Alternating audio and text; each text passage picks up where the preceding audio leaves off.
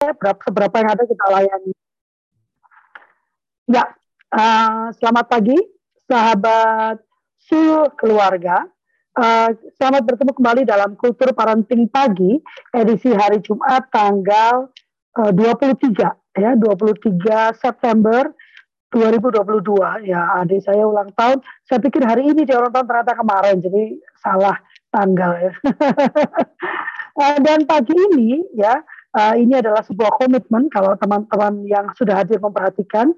Uh, ada empat orang, lima orang dengan saya pagi ini, tetapi karena ini adalah sebuah komitmen pelayanan, maka kita akan tetap menyelenggarakan dan uh, apa dan berharap bahwa nanti apabila ada teman-teman yang merasa apa yang disampaikan Joel pagi ini bermanfaat, tolong terus disebarkan uh, YouTube-nya, uh, lalu uh, Spotify-nya dan nanti Del, uh, Kak Deli akan membagikan uh, rangkumannya di TikTok dan Instagram. Mohon juga membantu untuk menyebarkan ya.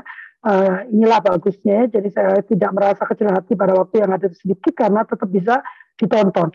Ada banyak perkembangan dalam silu keluarga, kami berubah menjadi kadeli nanti di uh, apa logonya harus diubah ya.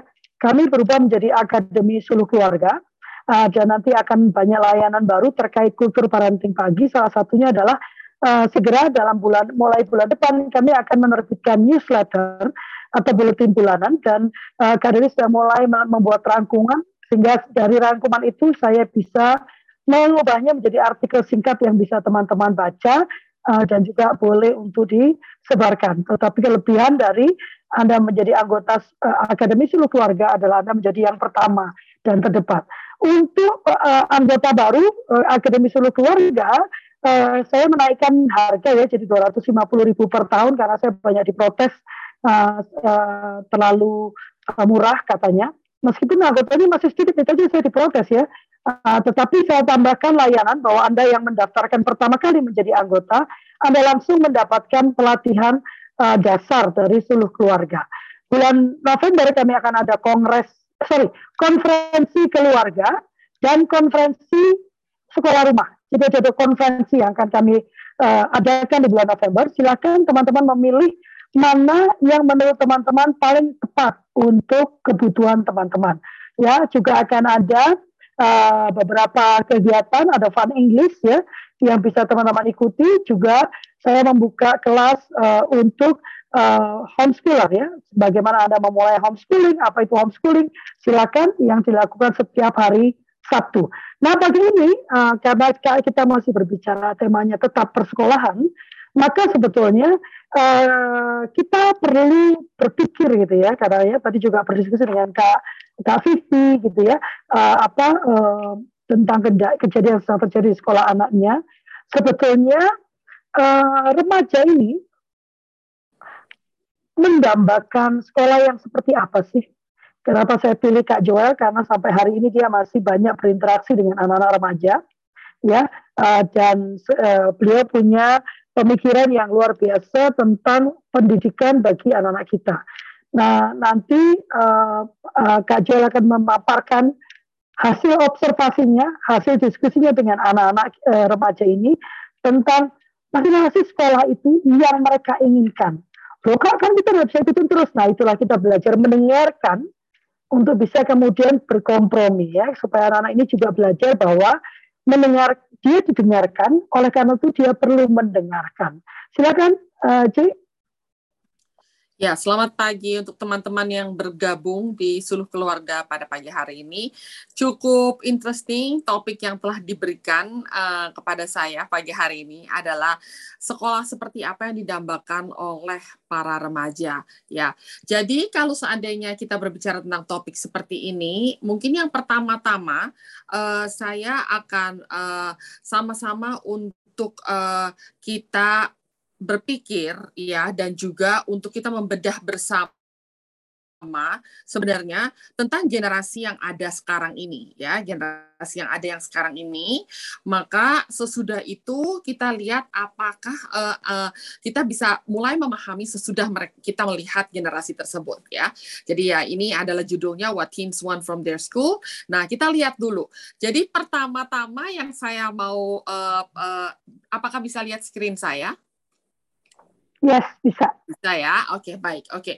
Yang pertama-tama, kalau seandainya kita lihat generasi sekarang dengan generasi zaman kita waktu dulu kita uh, masih kecil ya, ada beberapa perbedaan yang cukup menyolok ya.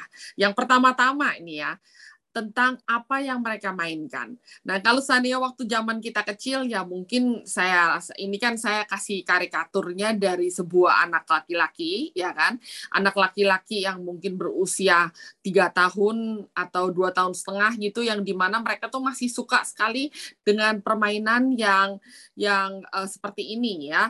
Untungnya uh, seperti uh, ponakan-ponakan saya, walaupun uh, uh, yang yang di luar negeri malahan mereka tetap masih bermain seperti ini ya. Tetapi justru yang di Indonesia kita lihat sejak baby saja kalau misalnya kita lihat uh, itu baby-baby yang diajak uh, diajak uh, orang tuanya makan di restoran walaupun mereka punya neni ya. Kalau di luar negeri kan nggak punya neni ya. Kalau di sini punya neni mereka tetap disuguhkan HP. Jadi itu sebenarnya jadi kalau anaknya sudah uh, cukup fasih untuk bisa uh, memegang remote dan sebagainya ujung-ujung itu adalah yang mereka mainkan ya. Itu yang pertama adalah apa yang mereka mainkan zaman dulu sama sekarang itu sangat berbeda. Nah, ini where they play, di mana mereka bermain. Nah, kalau seringnya uh, uh, kita lihat ya dari du, uh, dua karikatur ini, kalau anak yang zaman dulu kita lihat itu mereka tuh senengnya kan main di luar ya. Bahkan kalau saya disuruh, ayo pulang, sekarang udah sore, udah maghrib dan sebagainya, ayo suruh pulang. Aduh, kita rasanya kalau suruh masuk rumah gitu kayaknya, aduh masih mau main nih, kayaknya masih masih seru nih, ayo makan dulu dan sebagainya. Sedangkan anak sekarang, kalau kita mau ajak mereka keluar pun itu kayaknya serasa kayaknya mesti kayak tarik mereka keluar kayak seperti ayo yuk temenin mama yuk. Sekarang kita mau kita mau ada acara keluarga kita makan di luar dan sebagainya. Mereka bilang aduh boleh nggak? Aku nggak ikut sih boleh aku di rumah aja sih gitu dan sebagainya mama aja pergi deh atau enggak uh, apa uh, saya masih ya pokoknya alasannya bejibun untuk dia tuh tidak mau keluar dari rumah gitu. Nah, itu bedanya ya. Jadi mereka itu bermain sekarang ini lebih suka di rumah ya daripada di luar maksudnya uh, di di luar. Kalau dulu tuh mereka bermain dengan teman, sekarang ini bermain dengan teman tetapi yang namanya virtual friends ya. Maksudnya kadang-kadang itu temannya mungkin mereka juga belum terlalu kenal atau mereka belum pernah ketemu ya seperti itu. Oke. Yang ketiga adalah bagaimana mereka caranya mereka berkomunikasi.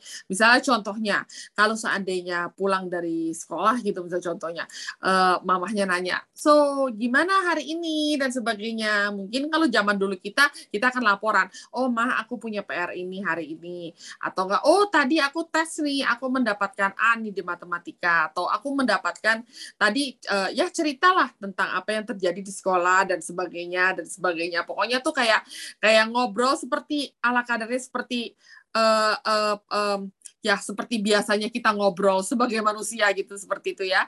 Tapi kalau anak sekarang kalau tanyain gimana nih hari ini, loh kamu nggak nonton ya tadi saya udah taruh di story kok misalnya, atau misalnya udah tadi saya udah udah taruh di TikTok dan sebagainya. Ya maksudnya jadi itu uh, uh, mama emang nggak follow aku ya, atau kan misalnya atau kan nanti kamu bisa check out aja deh apa yang apa yang apa yang tadi um, uh, saya lakukan dan sebagainya. Semua udah di story kok dan sebagainya ya. Jadi itu cara mereka berkomunikasi itu adalah mereka itu suka sekali uh, untuk uh, memamerkan apa yang mereka mereka lakukan, mereka makan, mereka mereka uh, katakan apa apa yang mereka pikirkan dan sebagainya itu di melalui sosial media. Oke, okay. uh, selanjutnya adalah bagaimana caranya mereka berbicara dengan satu sama yang lain. Ya tentunya karikatur yang pertama itu cukup uh, apa uh, ekstrim di mana mereka melakukannya itu uh, antara anak yang tinggal di atas dan tinggal di bawah itu memakai sebuah uh, sebuah mainan seperti telepon yang jadul ya. Tapi oke okay lah uh, anak ya dulu zaman saya pun saya masih ingat uh, uh, itu kalau kita ngobrol sama temen melalui telepon itu bisa berjam-jam. Kadang itu harus rebutan telepon sama adik saya. Ayo giliran saya sekarang, ya kan? Terus uh, tunggu aku masih seru nih dan sebagainya, ya kan? Jadi rebutan telepon karena kan um, uh, nomor telepon cuma satu, ya kan? Jadi kita mesti mesti bergilir antara saya sama adik saya untuk berbicara dengan teman-teman, ya kan? Nah kalau sekarang kalau misalnya kita kadang-kadang kita uh, apa mau telepon uh, telepon sesama atau teman atau misalnya anak-anak sekarang gitu ya. Nggak usah deh kamu uh, kamu send message aja. Karena mereka tuh sambil melakukan yang lain-lainnya gitu maksudnya tuh. Jadi tuh daripada telepon ngoceh-ngoceh dan sebagainya udah nanti kamu send message aja uh, entah itu WA atau SMS atau apa pokoknya ya I'll, I'll reply uh, uh, during my time gitu. Jadi itu waktu aku sempat dan sebagainya aku akan reply. Nah caranya mereka berbicara dengan satu yang sama yang lain juga sekarang sudah tidak langsung langsung seperti itu ya messaging gitu ya. Tentunya messaging juga kan itu cara komunikasi tetapi sudah agak berbeda. Agak berbeda dengan caranya dulu kita ya. Nah terus what they expect ekspektasi mereka apa sih ini? Contohnya ya kalau seandainya dulu ya misalnya di rumah ada nenek yang uh, misalnya contoh saya setiap kali uh, weekend itu suka ke rumah omah saya ya kan diajak oleh orang tua saya. Dan namanya kalau misalnya ke rumah oma pasti dia mengeluarkan macam-macam makanan. Ayo ayo makan yo dia masak dan sebagainya.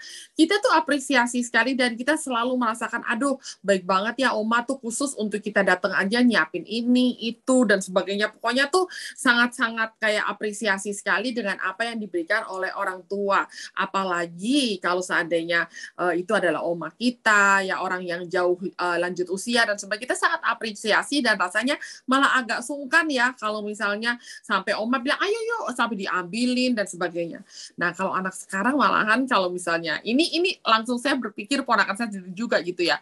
Kalau misalnya uh, mama saya datang ke rumah uh, adik saya gitu ya, dia langsung bilang dia langsung bilang, ama hari ini ama masak apa?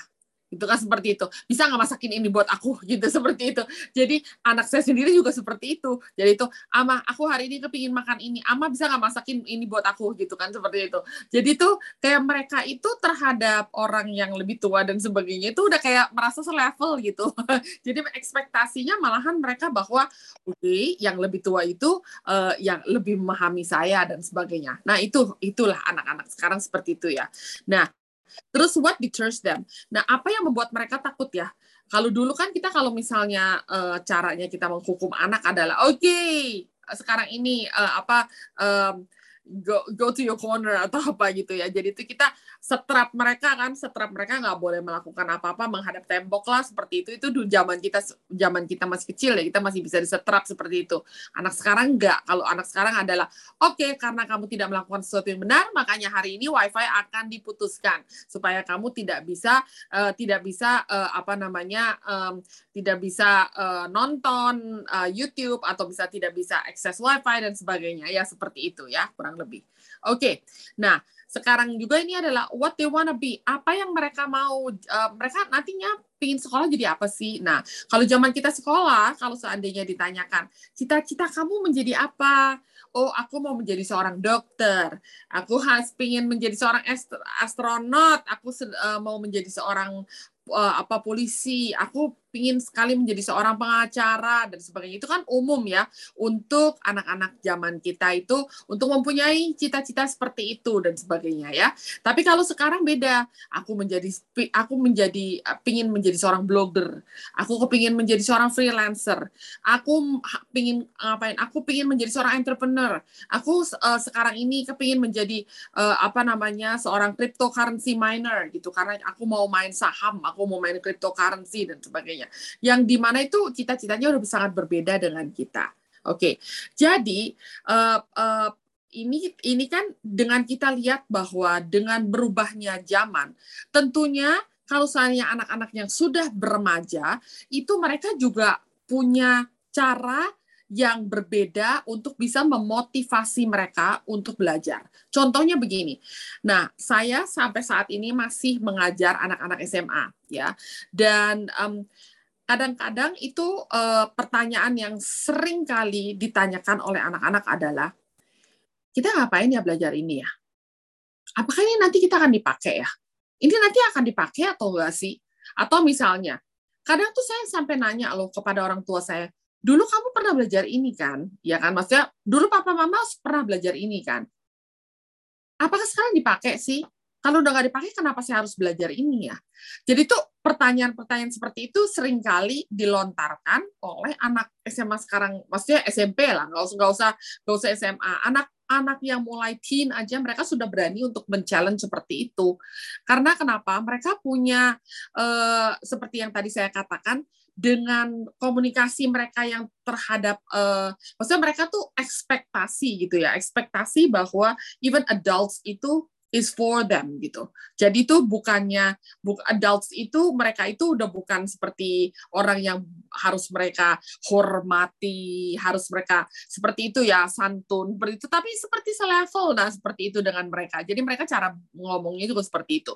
Tetapi ada beberapa cara di mana tuh kita lihat ya ada beberapa perbedaan antara anak-anak uh, yang remaja di sekolah Contohnya seperti itu. Ada yang mereka tetap itu mungkin seperti anak-anak zaman kita. Mereka tuh sangat sangat sangat suka belajar dan mungkin mereka suka uh, subjek tertentu gitu ya. Misalnya contohnya uh, saya dari kecil tuh suka sekali matematika. Jadi itu uh, kalau seandainya saya sedang lagi eh, bersama teman-teman saya gitu ya. Kita tuh dulu tuh suka ke fast food restoran, terus habis itu kita beli buku matematika kita bikin. Jadi itu seperti kita punya challenge kayak kayak contohnya kalau dulu kan eh, kita juga ada bikin TTS gitu dan sebagainya, word search dan sebagainya. Nah, matematika tuh seperti seperti kalau anak sekarang mungkin main game ya. Dulu tuh game saya sekarang kan matematika gitu. Jadi itu saya melakukan banyak bikinnya soal-soal matematika yang saya tackle tackle tackle seperti itu ya. Nah, itu ada anak sekarang juga ada yang memang mereka suka subjek tertentu, mereka juga akan fokus kepada uh, kepada itu aja mereka kerjain gitu. Mereka yang sukanya subjek tertentu. Jadi itu mereka lebih kepada uh, masuk kepada niche ya. Jadi itu mereka itu suka yang mana, mereka akan pelajarinya lebih yang mana ya, seperti itu ya. Oke, yang kedua adalah anak-anak yang lebih kesannya tuh lebih emosional gitu. Jadi tuh mereka itu senang di sekolah dan sebagainya, tetapi mereka senang ke sana kenapa? Karena mereka itu bisa berbagi, bisa berbagi cerita dengan teman-temannya karena mereka tuh tipe yang tipe yang senang-senang ada di uh, sekitar teman-temannya, senang dirangkul dan sebagainya seperti dulu zaman kita juga saya percaya pasti ada anak-anak yang seperti itu yang di mana mereka senang dikerumunin oleh orang dan mereka itu memang uh, karena mereka itu mau berbagi cerita mau pokoknya ke sekolah itu sebenarnya bukannya untuk belajar tapi lebih kepada uh, supaya saya ini bisa bisa bisa bisa punya punya komunitas seperti itu ya. Oke ya ada anak yang memang tuh tipe yang mereka itu senang senang untuk uh, vokal. Jadi kalau misalnya di sekolah itu banyak itu angkat tangan dan tanya, e, aku mau bertanya ya, aku mau aku mau komentar ya, Miss dan sebagainya seperti itu.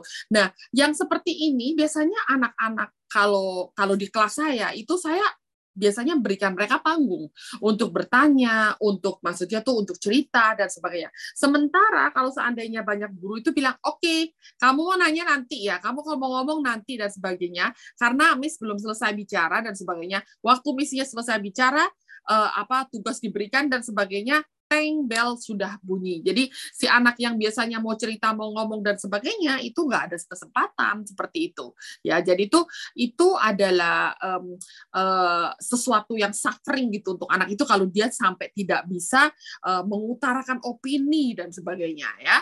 Oke, ada anak itu yang sebenarnya mereka bilang kalau sekolah itu sebenarnya untuk saya adalah saya mau bisa berinteraksi, saya mau bisa have fun.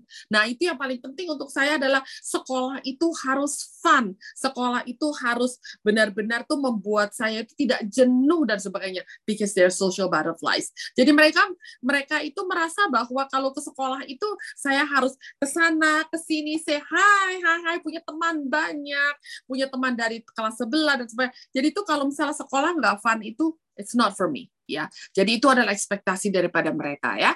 Oke, yang terakhir adalah um, ada ada ada yang orang bilang kata, oke, okay, kalau saya itu tipenya memang saya itu senang sekali mendampingi guru, curhat sama guru, saya itu dekat dengan guru dan sebagainya. Jadi itu dia dia itu memang tipe yang kalau seandainya saya sekolah, saya mau uh, saya pingin itu sekolah yang bisa mendengarkan saya. Saya pengen punya guru itu yang bisa menjadi teman jadi guru itu yang bisa eh, apa namanya bisa bukan hanya mengajar, tetapi mereka itu bisa seperti menjadi teman saya, teman curhat saya karena kan kalau di rumah saya kalau ngomong sama orang tua biasanya kan eh, apa pasti ada sebuah gap gitu. Jadi kalau misalnya gurunya nggak asik gitu kayak sekolahnya juga nggak asik seperti itu ya. Oke, nah uh, yang um, uh, saya akhiri adalah one size doesn't fit all. Jadi itu gini, ekspektasi ini adalah ekspektasi yang sebenarnya uh, seperti tadi saya katakan bahwa ini adalah karena perbedaan daripada anak-anak kita ya perbedaan anak-anak kita dari segi karakter maupun uh, apa upbringing maupun uh, yang lain-lainnya dan sebagainya akhirnya tentunya uh, mereka juga akhirnya punya ekspektasi yang berbeda dan mereka juga cara mereka melihat uh, sebuah institusi yang bisa uh, beneficial untuk mereka juga berbeda. Nah, itu yang akhirnya menjadi sebuah dilema kadang untuk sekolah. Karena kenapa? Sekolah kan juga tidak bisa kita bervariasi untuk ini itu dan sebagainya untuk bisa menjawab sebuah uh, semua kebutuhan uh, daripada oh maunya sekolah nih uh, mau maunya anak-anak tuh sekolah seperti ini maunya seperti itu dan sebagainya. Tidak bisa menjawab semua kebutuhan. Tetapi tentunya bagaimana gimana caranya kita menjawab kebutuhan adalah dengan kita memahami kita bisa mengisi apa yang mereka butuhkan itu yang tidak bisa mereka dapatkan dari sekolah itu mereka harusnya bisa didapatkan dari rumah.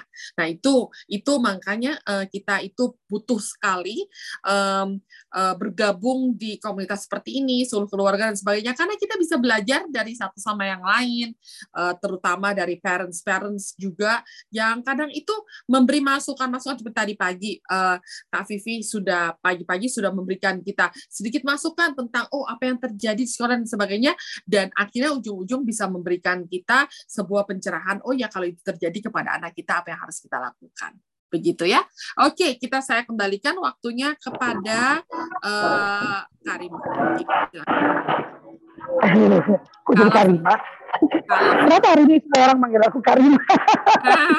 ya, uh, menarik sebetulnya ya. Cuman uh, uh, tadi waktu mendengarkan, saya berpikir, apakah memang cuman anak remaja masa sekarang yang berpikir gitu? Apa kalau mau jujur ya, dulu pun kita datang ke sekolah itu buat apa sih? Buat ketemu teman kan? uh, bukan saya ke sekolah untuk belajar menggali ilmu itu mah itu kalau kita mau ujian PPKN jadi nulisnya kan untuk mencari ilmu ya kan tapi pada dasarnya kita datang ke sekolah ya untuk berteman. Bahkan pada waktu anak-anak saya homeschooling pun yang menjadi sorotan utama orang tua sebenarnya sosialisasi. Ya kan?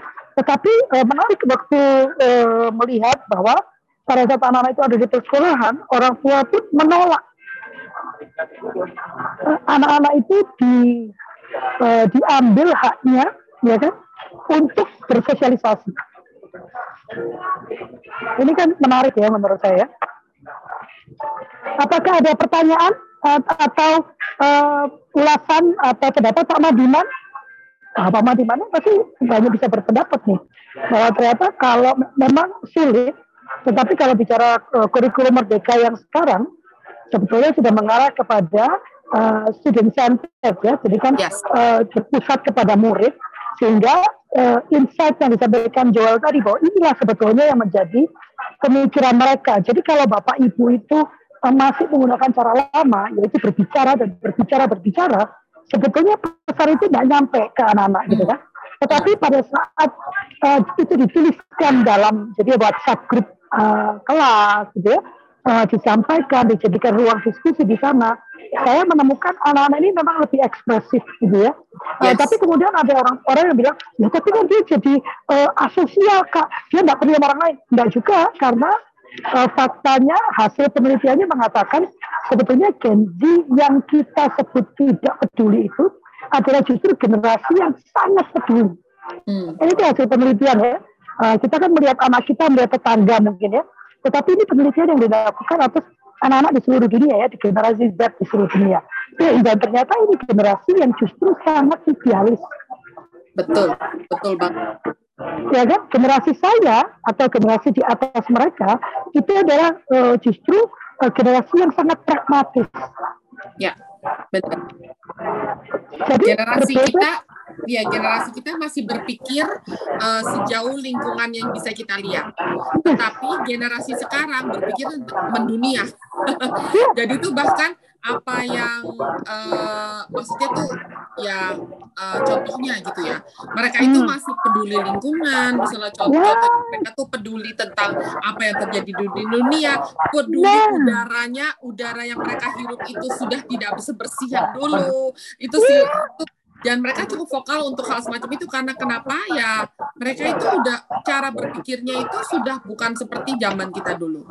Ya, iya, iya. Jadi kalau dulu kan kita cuma peduli uh, apa kita bilang anak itu tidak peduli dia tetangga. Ya karena kita tidak menciptakan lingkungan itu. Tapi sebenarnya anak ini bahkan peduli dengan misalnya ya uh, anak saya itu misalnya atau mah aku nggak mau uh, merek ini ya. What happened? Ya karena di sana mak ini kan dia itu menyokong ini sementara yeah. di sana sedang terjadi ini dan dia ikut ambil bagian lah kalau saya mau makan aja gitu ya. Uh, ya kan? Sementara mereka tuh sampai tahu ke tahap itu. Masalahnya generasi kita itu menolak untuk mencoba melihat dari visi anak-anak ini. Kita merasa bahwa segala yang berbeda dari generasi kita itu adalah salah. Gitu ya itu adalah keliru. Padahal sebetulnya caranya yang berbeda. Dan kalau mau tahu kenapa caranya jadi berbeda, yaitu dosanya kita gitu ya. Itu sebabnya sebetulnya saya tuh ingin sekali membuat gerakan me menunda munculnya generasi alfa. Karena generasi alfa itu muncul kan karena kita. Tapi Kak Joel menyatakan itu waktu kecil kan paling sulit kalau disuruh pulang. kalau sekarang kebalikannya ya, ini sama ya walaupun anak saya anak saya ini generasi Z ya Z ya eh, Kak Del ini ya tetapi bahwa dia keluar rumah itu setengah mati susahnya saya harus membujuk dia dengan segala macam makanan yang ya ya segala macam mau makan ini enggak nanti kita makan itu mau enggak nanti kita ini loh gitu kan? Supaya karena saya memang tidak berkata no I said you go you go. Enggak gitu ya. Tapi kan saya berusaha buat um, apa sih manfaatnya buat dia keluar rumah itu gitu ya? Uh, sakit ya saya bilang. Makanya dia sering keluar rumah. Ya paling dua tiga hari dia keluar jalan ke depan. Nanti setelah itu yang lupa lagi dia kalau dia harus jalan ke depan ya ayo teman-teman masa kita kami berdua nih yang ngobrol ini namanya talk show kalau itu namanya. Hai sama Dina ada yang mau disampaikan kak Kak Canita Bu Harsiti Bu Harsiti sehat ya? Kak Santi Kak Vivi Kak Ambar. Sehingga kalau kita memang ya Kak Joel ya kan seperti itu kan ilmu komunikasi dasar ya. Pada saat kita ingin berkomunikasi ingin menyampaikan dan ingin dalam tanda kutip mempengaruhi keputusan lawan bicara kita nomor satu kita harus memahami sudut pandang mereka apa yang menjadi penting bagi mereka gitu kan ya itu kan ilmu komunikasi dasar kak Canita silakan Hai kak, iya apa namanya? Memang kak kalau saya lihat, ya halo, kedengeran kak suaraku? Ya, sorry. Ya, halo Kak Joel, Kak semua semua kakak semua. Jadi memang mau share memang anak-anak sekarang itu uh, saya ngelihat kayak anak saya kayak yang di Bali nih Kak, dia lingkungan apa di lingkungan sekolah yang dia ceritakan adalah uh, gimana hubungannya dia dengan teman-teman di sana gitu. Jadi uh, masalah pelajaran itu nggak menjadi apa ya topik trendingnya setiap kali kami diskusi gitu. Jadi uh, bagaimana dia senang punya teman-teman di sana. Jadi lebih kepada lingkungan itu tapi memang kan uh, saya juga kita kan juga di sekolah ya paling satu kelas berapa sih ya yang ada temannya gitu ya yang deket sama kita tapi emang itu masih lebih, jadi fokus sosialisasi belajaran itu jadi kita berkoneksi sama siapa ya uh, cari, yang pinter buat bantu belajar. Gitu. Nah terus apa dan yang baru uh, ini alami mereka memang tadi kan Kak Jo juga sempat bilang bahwa anak-anak itu lebih center ke kita gitu ya. Jadi um, saya sih lebih lagi-lagi sering ngetemuin anak-anak yang kayaknya kalau mereka dikasih tugas tugas tugas tanggung jawab gitu. Padahal memang sebenarnya awalnya dia yang pengen gitu.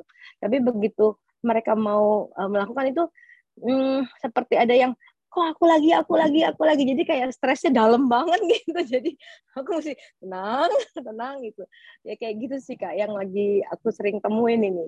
Apa karena um, ya mereka suka tapi mereka um, menemukan kesulitan terus sepertinya kayaknya dunia runtuh jadi seperti kayak nggak ada jalan gitu. Itu yang lagi sering saya temuin sih kak hari-hari ini. Tapi apa ya seperti yang aku lagi cerita apa lagi ini. Jadi memang ya itu sih yang bisa aku share pagi hari ini kak Joy sama kak mungkin minta apa ya cerita pandangannya aja gitu. Gimana? Itu benar banget loh. Uh, anakku tuh Raka dia mau beli motor sih ceritanya ya dia mau nyicil motor ceritanya uh, dengan KTP-nya Bekasi dia ada di Surabaya ya kan? Dia tanya ini terus ternyata nggak boleh gini harus begitu harus gini. Wah dia panik. Padahal dia baru rencananya November. Dia tanya ke Jakarta dia tanya aku bilang kamu tuh gak usah panik dikumpulkan saja. Kalau waktunya sudah datang kan kita tinggal memilih gitu kan. Apakah mau ini atau tapi jangan. Jadi akhirnya cenderung mengambil keputusan yang instan gitu loh yang gampang saja. Nah iya. di sini loh ini menurut saya peran kita itu di situ ya Ci ya uh, mengajarkan wisdom itu anak-anak kita itu bukan uh, dia tahu bagaimana menjadi sangat cepat. Ya ya. Tapi dia tidak tahu bagaimana melambat. Makanya buku-buku yang banyak kan gitu, slow down. Eh, kan ngomongnya slow down. Kalau dulu kan kita waktu kecil ya, yang yang lucu lagi gini sih, jadi kan aku pegang apa udah ada sekarangnya lagi pegang tiga angkatan. Dari angkatan pertama, padahal mereka selisih setahun setahun ya.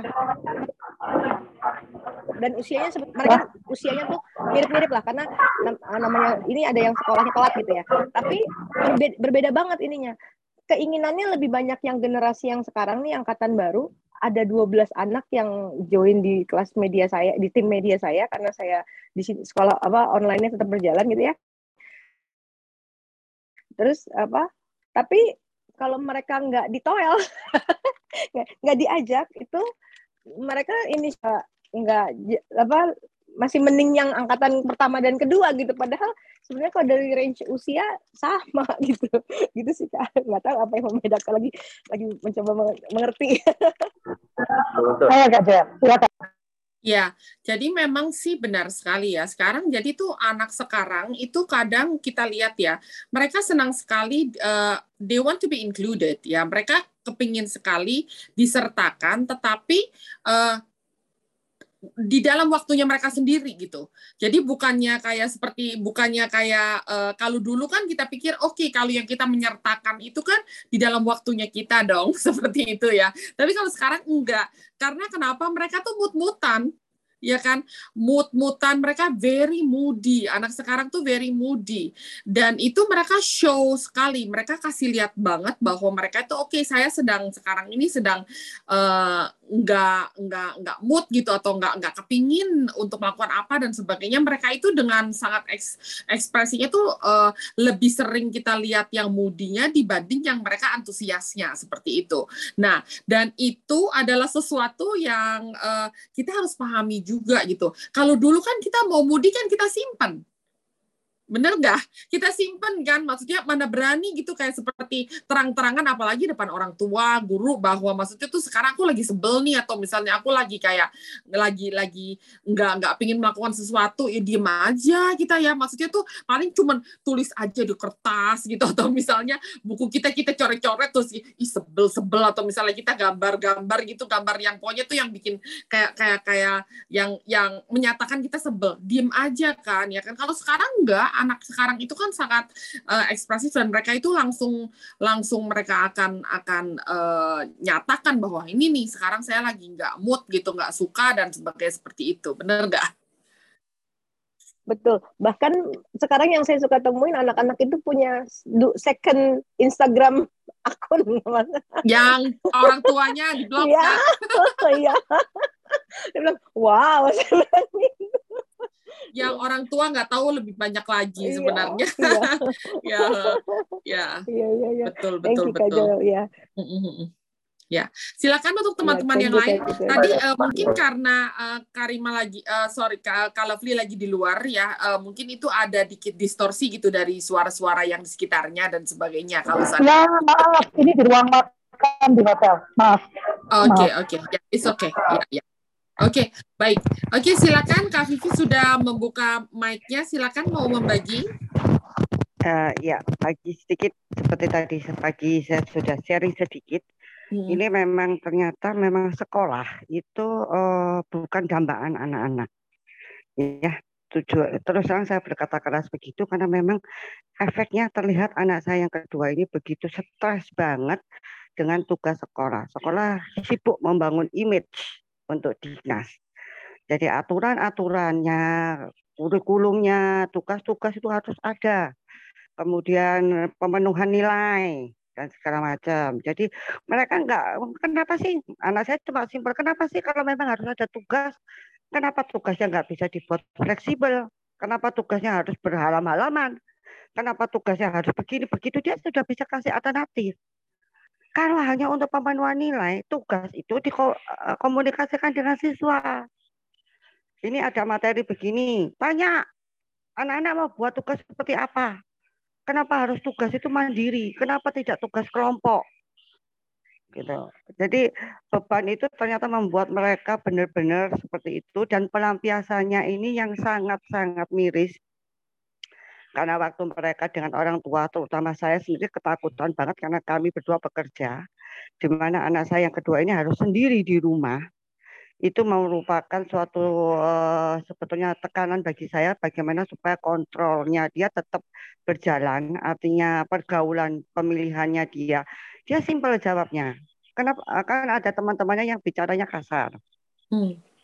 saya tanya kenapa kamu pilih mereka? Ya karena mereka enak diajak omong nggak garing istilahnya begitu betul iya kan nggak ya. garing mah kalau mereka yang anak-anak yang istilahnya alim-alim itu ngomongnya garing.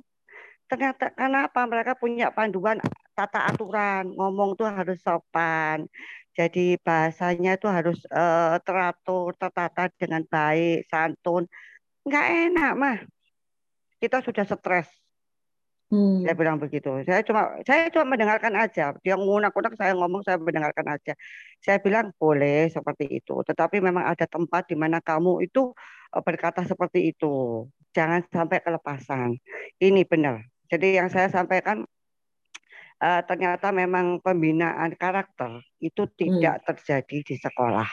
Hmm. Ya, hmm. jadi mereka hmm. hanya sibuk untuk pemenuhan nilai-nilai tugas-tugas yang dari Dignas saya katakan. Karena memang saya tahu guru pun bercerita seperti itu. Betul. guru pun menyampaikan seperti itu. Mereka nggak bisa bergerak. Mereka hmm. tahu mereka menekan siswa. Mereka tahu mereka mempreser siswa itu begitu keras tapi mereka tidak berdaya. Betul karena mereka tuntutannya harus memenuhi apa yang diberikan oleh Dignas. Nah ini mungkin nanti bisa uh, seperti Kak Lovely dan teman-teman juga Kak Joel bisa bantu untuk menyampaikan ini. Ini terlihat simpel, tetapi dampak sangat-sangat besar sekali, terutama orang tua yang tidak, maksudnya bukan mereka tidak aware ya, tapi mereka hmm. memang karena kesibukan, karena hmm. tuntutan ekonomi juga membuat mereka menjadi tidak punya banyak pilihan dekat dengan anak-anak. Betul, betul. Hmm. Terus terang Kak Joel, saya uh, sejak dia tinggal, uh, maksudnya saya bekerja, kakaknya kos, kan sudah tidak hmm. ada yang ngawasin di rumah. Itu saya lebih sering tidur dengan dia. Artinya hmm. satu kamar pun kita berjauhan, panjangnya beda. Saya tidak banyak ngomong dan saya tidak banyak kontak, saya hanya menyampaikan kepada dia bahwa mama ada saat kamu memang mau butuh. Hmm. Kemarin memang sempat terjadi crash waktu dia cerita, mama ini loh, aku mau cerita Mama sibuk aja marah-marah. Saya memang orangnya uh, temperamental ya. Kemudian saya sadar, oke, okay, handphone saya matikan. Saya taruh, saya bicara, dia masih sibuk dengan handphone. Saya coba bilang, hmm. kamu lihat mama pegang handphone, enggak loh ya. Ini sudah mama taruh. Ayo, kamu juga taruh. Akhirnya kita berdua bisa cooling down seperti itu. Jadi hmm. memang emosi anak-anak ini masih labil yang remaja. Hmm sekolah itu yang menjadikan tempat jawabannya simpel kalau memang kamu apa uh, dia bilang aku mau sekolah karena temanku yang seperti itu gawat loh kak Kalau nggak ada mereka aku nggak mau sekolah. Ah, betul.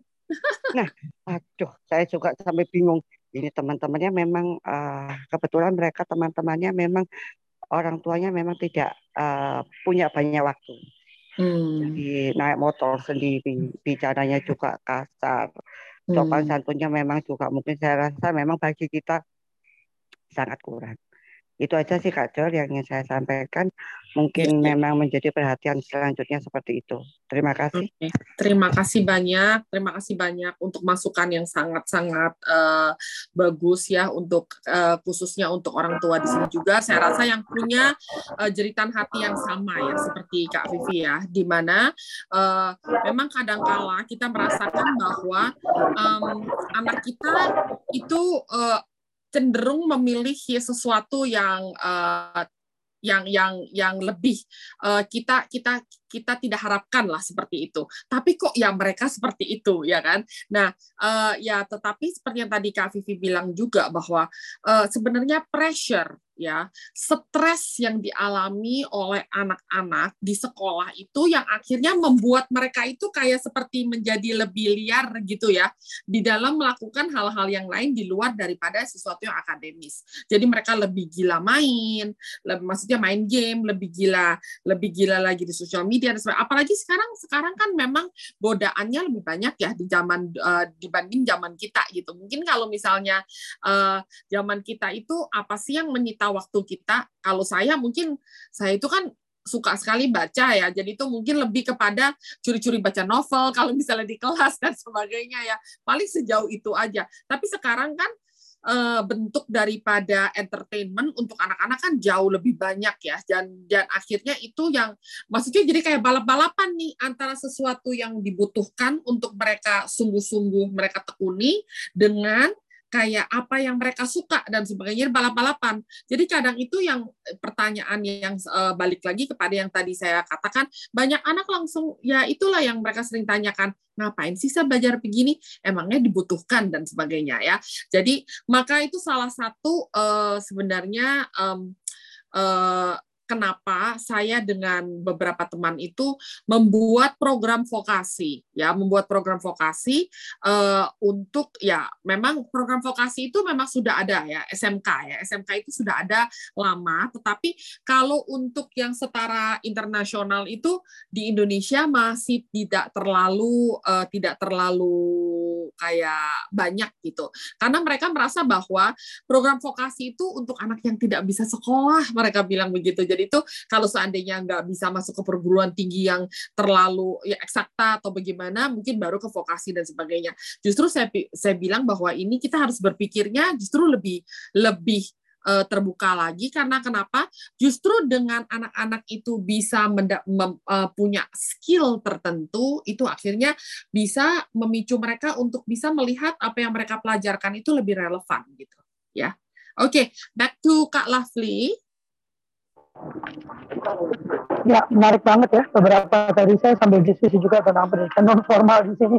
Ya, eh, kalau saya memberikan offering, ya, saya memberikan offering pada teman-teman, sampaikan ke persekolahan bahwa akademi seluruh keluarga bersedia melakukan satu kali parenting free by Zoom, ya, yang ada di luar Jakarta. Kalau Jakarta, Bekasi, uh, Depok, Jabodetabek tuh Pak. Jakarta, Bogor, Tangerang, Depok, Bekasi, Jabodetabek. Silakan ditentukan waktunya. Free, satu kali. Ya, karena tadi saya ditanya, uh, kan perlu kak, oke. Okay. Ya kan? Sekarang saya yang menantang teman-teman. Bisakah teman-teman membantu kami memberikan proposal? Satu kali aja ya. Satu kali, free. Ya, Kak Cing ya, Joel ya free. Kami akan datang, tapi cuma satu kali, ya. Nah, dan kami menyediakan satu jam setengah. Saya akan siapkan proposalnya, saya akan bagikan di kelompok di grup, ya, anggota ada penawaran parenting uh, free satu kali, ya yang di Jabodetabek saya bersedia hadir. Moga-moga Kak Jawa juga bersedia hadir satu kali dua kali ya. Uh, uh, tapi yang di luar kota jangan cemas, jangan bimbang, pakai Zoom saja. ya satu kali.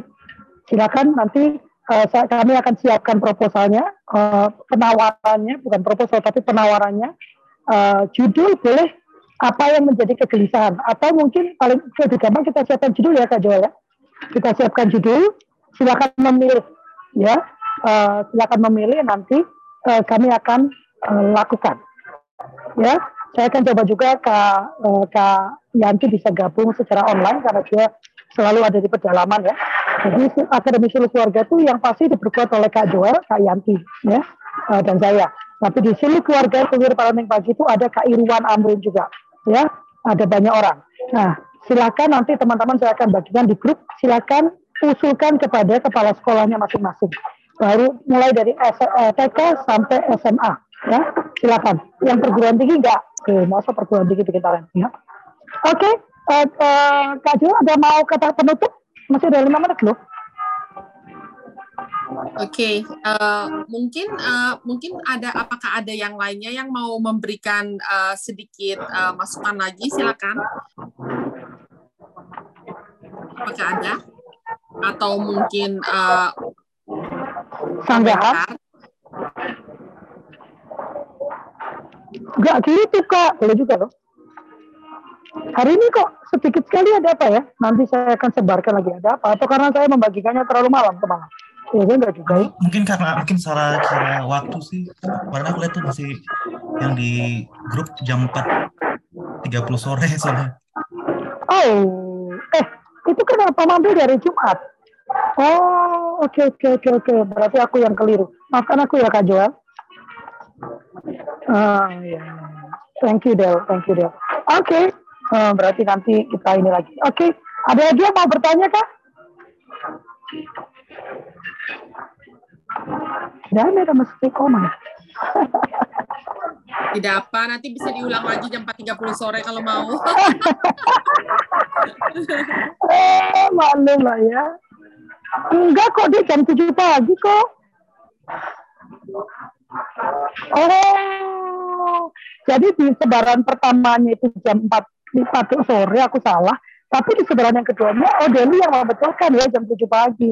Oke okay, it's my mistake maafkan aku maafkan aku. That's why aku tidak perlu asisten. Oke oke. Oke apakah ada pertanyaan teman-teman? Uh, kembali ya saya ingatkan bahwa nanti kami akan membagikan satu uh, usul uh, apa uh, proposal atau tawaran bekerja sama uh, kami bisa mengagendakan satu kali parenting untuk sekolah di tempat Anda berada. Uh, yang tidak berada di Jabodetabek mohon dibuat dalam bentuk online. Gampang sekarang ya. Sekarang kita sudah sangat mudah teknologi itu ya. Lalu kalau yang ada di Jabodetabek uh, kami bersedia hadir. Tapi satu kali saja. Ya satu kali saja. Ya. Oke kalau nggak ada silakan saja untuk penutup Oke, okay. uh, ya, untuk penutup ya penutupnya saya rasa cukup klise karena kita uh, saya rasa ujung-ujung daripada uh, apa yang kita bicarakan di seluruh keluarga, kita kalau tarik benang merahnya adalah kita peduli dari rumah gitu loh. Saya ngerti bahwa sekarang ini bahwa setiap daripada orang tua pun sibuk dengan uh, pekerjaan, apalagi dengan dengan sekarang ini pandemik yang sudah mulai masuk uh, kerja normal dan sebagainya, kita kan banyak ngejar target yang telah kita tinggalkan atau misalnya terlantarkan selama dua tahun yang lampau ya seperti itu. Jadi itu semua tuh sibuk masing-masing ya, uh, tetapi tetap saja waktu anak kita anak kita grow itu nggak bisa di repeat gitu loh, nggak bisa diulangi kembali. Jadi kalau seandainya kita tidak meluangkan waktu kita untuk uh, membimbing mereka, tahu-tahu tahu-taunya waktunya udah lewat seperti itu. Jadi itu aja yang mau saya ingatkan. Ya apa yang tidak bisa diberikan oleh sekolah, uh, tidak bisa dipenuhi sepenuhnya oleh sekolah, hendaknya itu bisa kita penuhi di rumah, gitu. Ya. Sangat setuju. Ingat ya, pendidikan karakter itu dimulai dari rumah, diperkuat di sekolah, bukan sebaliknya ya. Yes. Bukan dimulai di sekolah, diperkuat di rumah, tetapi dimulai dari rumah, diperkuat di sekolah itu sebabnya komunikasi. antara orang tua, keluarga dengan sekolah itu sangat penting sehingga tidak ada tabrakan value. Kalau sudah terjadi tabrakan value, anak akan memilih untuk membuat value-nya sendiri. Betul. Ya, kita nggak mau itu kan? Ya, kembali kita sambil di foto ya, Kak, Kak Deli. Sambil di foto, uh, kembali saya akan mengingatkan bahwa uh, ini dari ter, tercetus tadi karena Kak Sufi menyatakan demikian ya. Uh, kami akan menyediakan satu kali ruang uh, parenting free ya untuk per sekolah ya untuk sekolah per sekolah ya uh, saya akan buat um, tawarannya silakan untuk diajukan Pak Madiman boleh ya diajukan ke sekolah-sekolah di tempat Bapak berada ya? Pak Madiman ini rajin sekali loh. Akan sangat luar biasa kalau makin banyak bapak-bapak seperti beliau ini. Ya dan kita akan bersedia hadir. Kalau di Jabodetabek kami bersedia hadir. Kalau di luar bisa pakai Zoom. Ya gratis. Ya jangan heboh soal kita. Undang kakak mahal nanti kan keretanya pakai Zoom saja. Ya ya kalau mau bawa saya pakai kereta ya senang-senang aja saya. Cuman jangan jadikan itu kendala ya teman teman-teman mohon bantu untuk membagikan YouTube lalu membagikan Spotify dan sekarang ada TikTok dan Instagram ya saya sangat dibantu oleh Kak Dewi ini ya, dan nanti Kak Dewi juga akan mulai merangkum sehingga saya bisa menjadikannya artikel yang uh, ringan ya untuk teman-teman baca berulang-ulang dan dibagikan. Terima kasih banyak atas nama kami berlima dan Joel. Uh, kami memohon maaf yang sebesar-besarnya apabila ada pernyataan, perkataan, sikap, gestur yang kurang berkenan. Kami tidak ingin merendahkan, kami tidak ingin memojokkan, kami tidak ingin menghina, kami tidak ingin menghakimi, kami juga tidak berniat untuk menggurui kami hanya ingin membagikan apa yang menjadi keyakinan kami dan ini yang paling penting ya, uh, because you have to walk the talk, gitu ya. Apa yang sampai hari ini kami terus berusaha keras tetap kerjakan di dalam kehidupan kami. Terima kasih banyak. Wassalamualaikum warahmatullahi wabarakatuh. Tuhan memberkati. Selamat berakhir ya, pekan. Selamat beraktivitas semua teman-teman. Terima kasih. Terima kasih Kak Joel, terima kasih Kak Wafli. Saya pamit ya. Jangan lupa ya nanti saya keluarkan habis ini ya.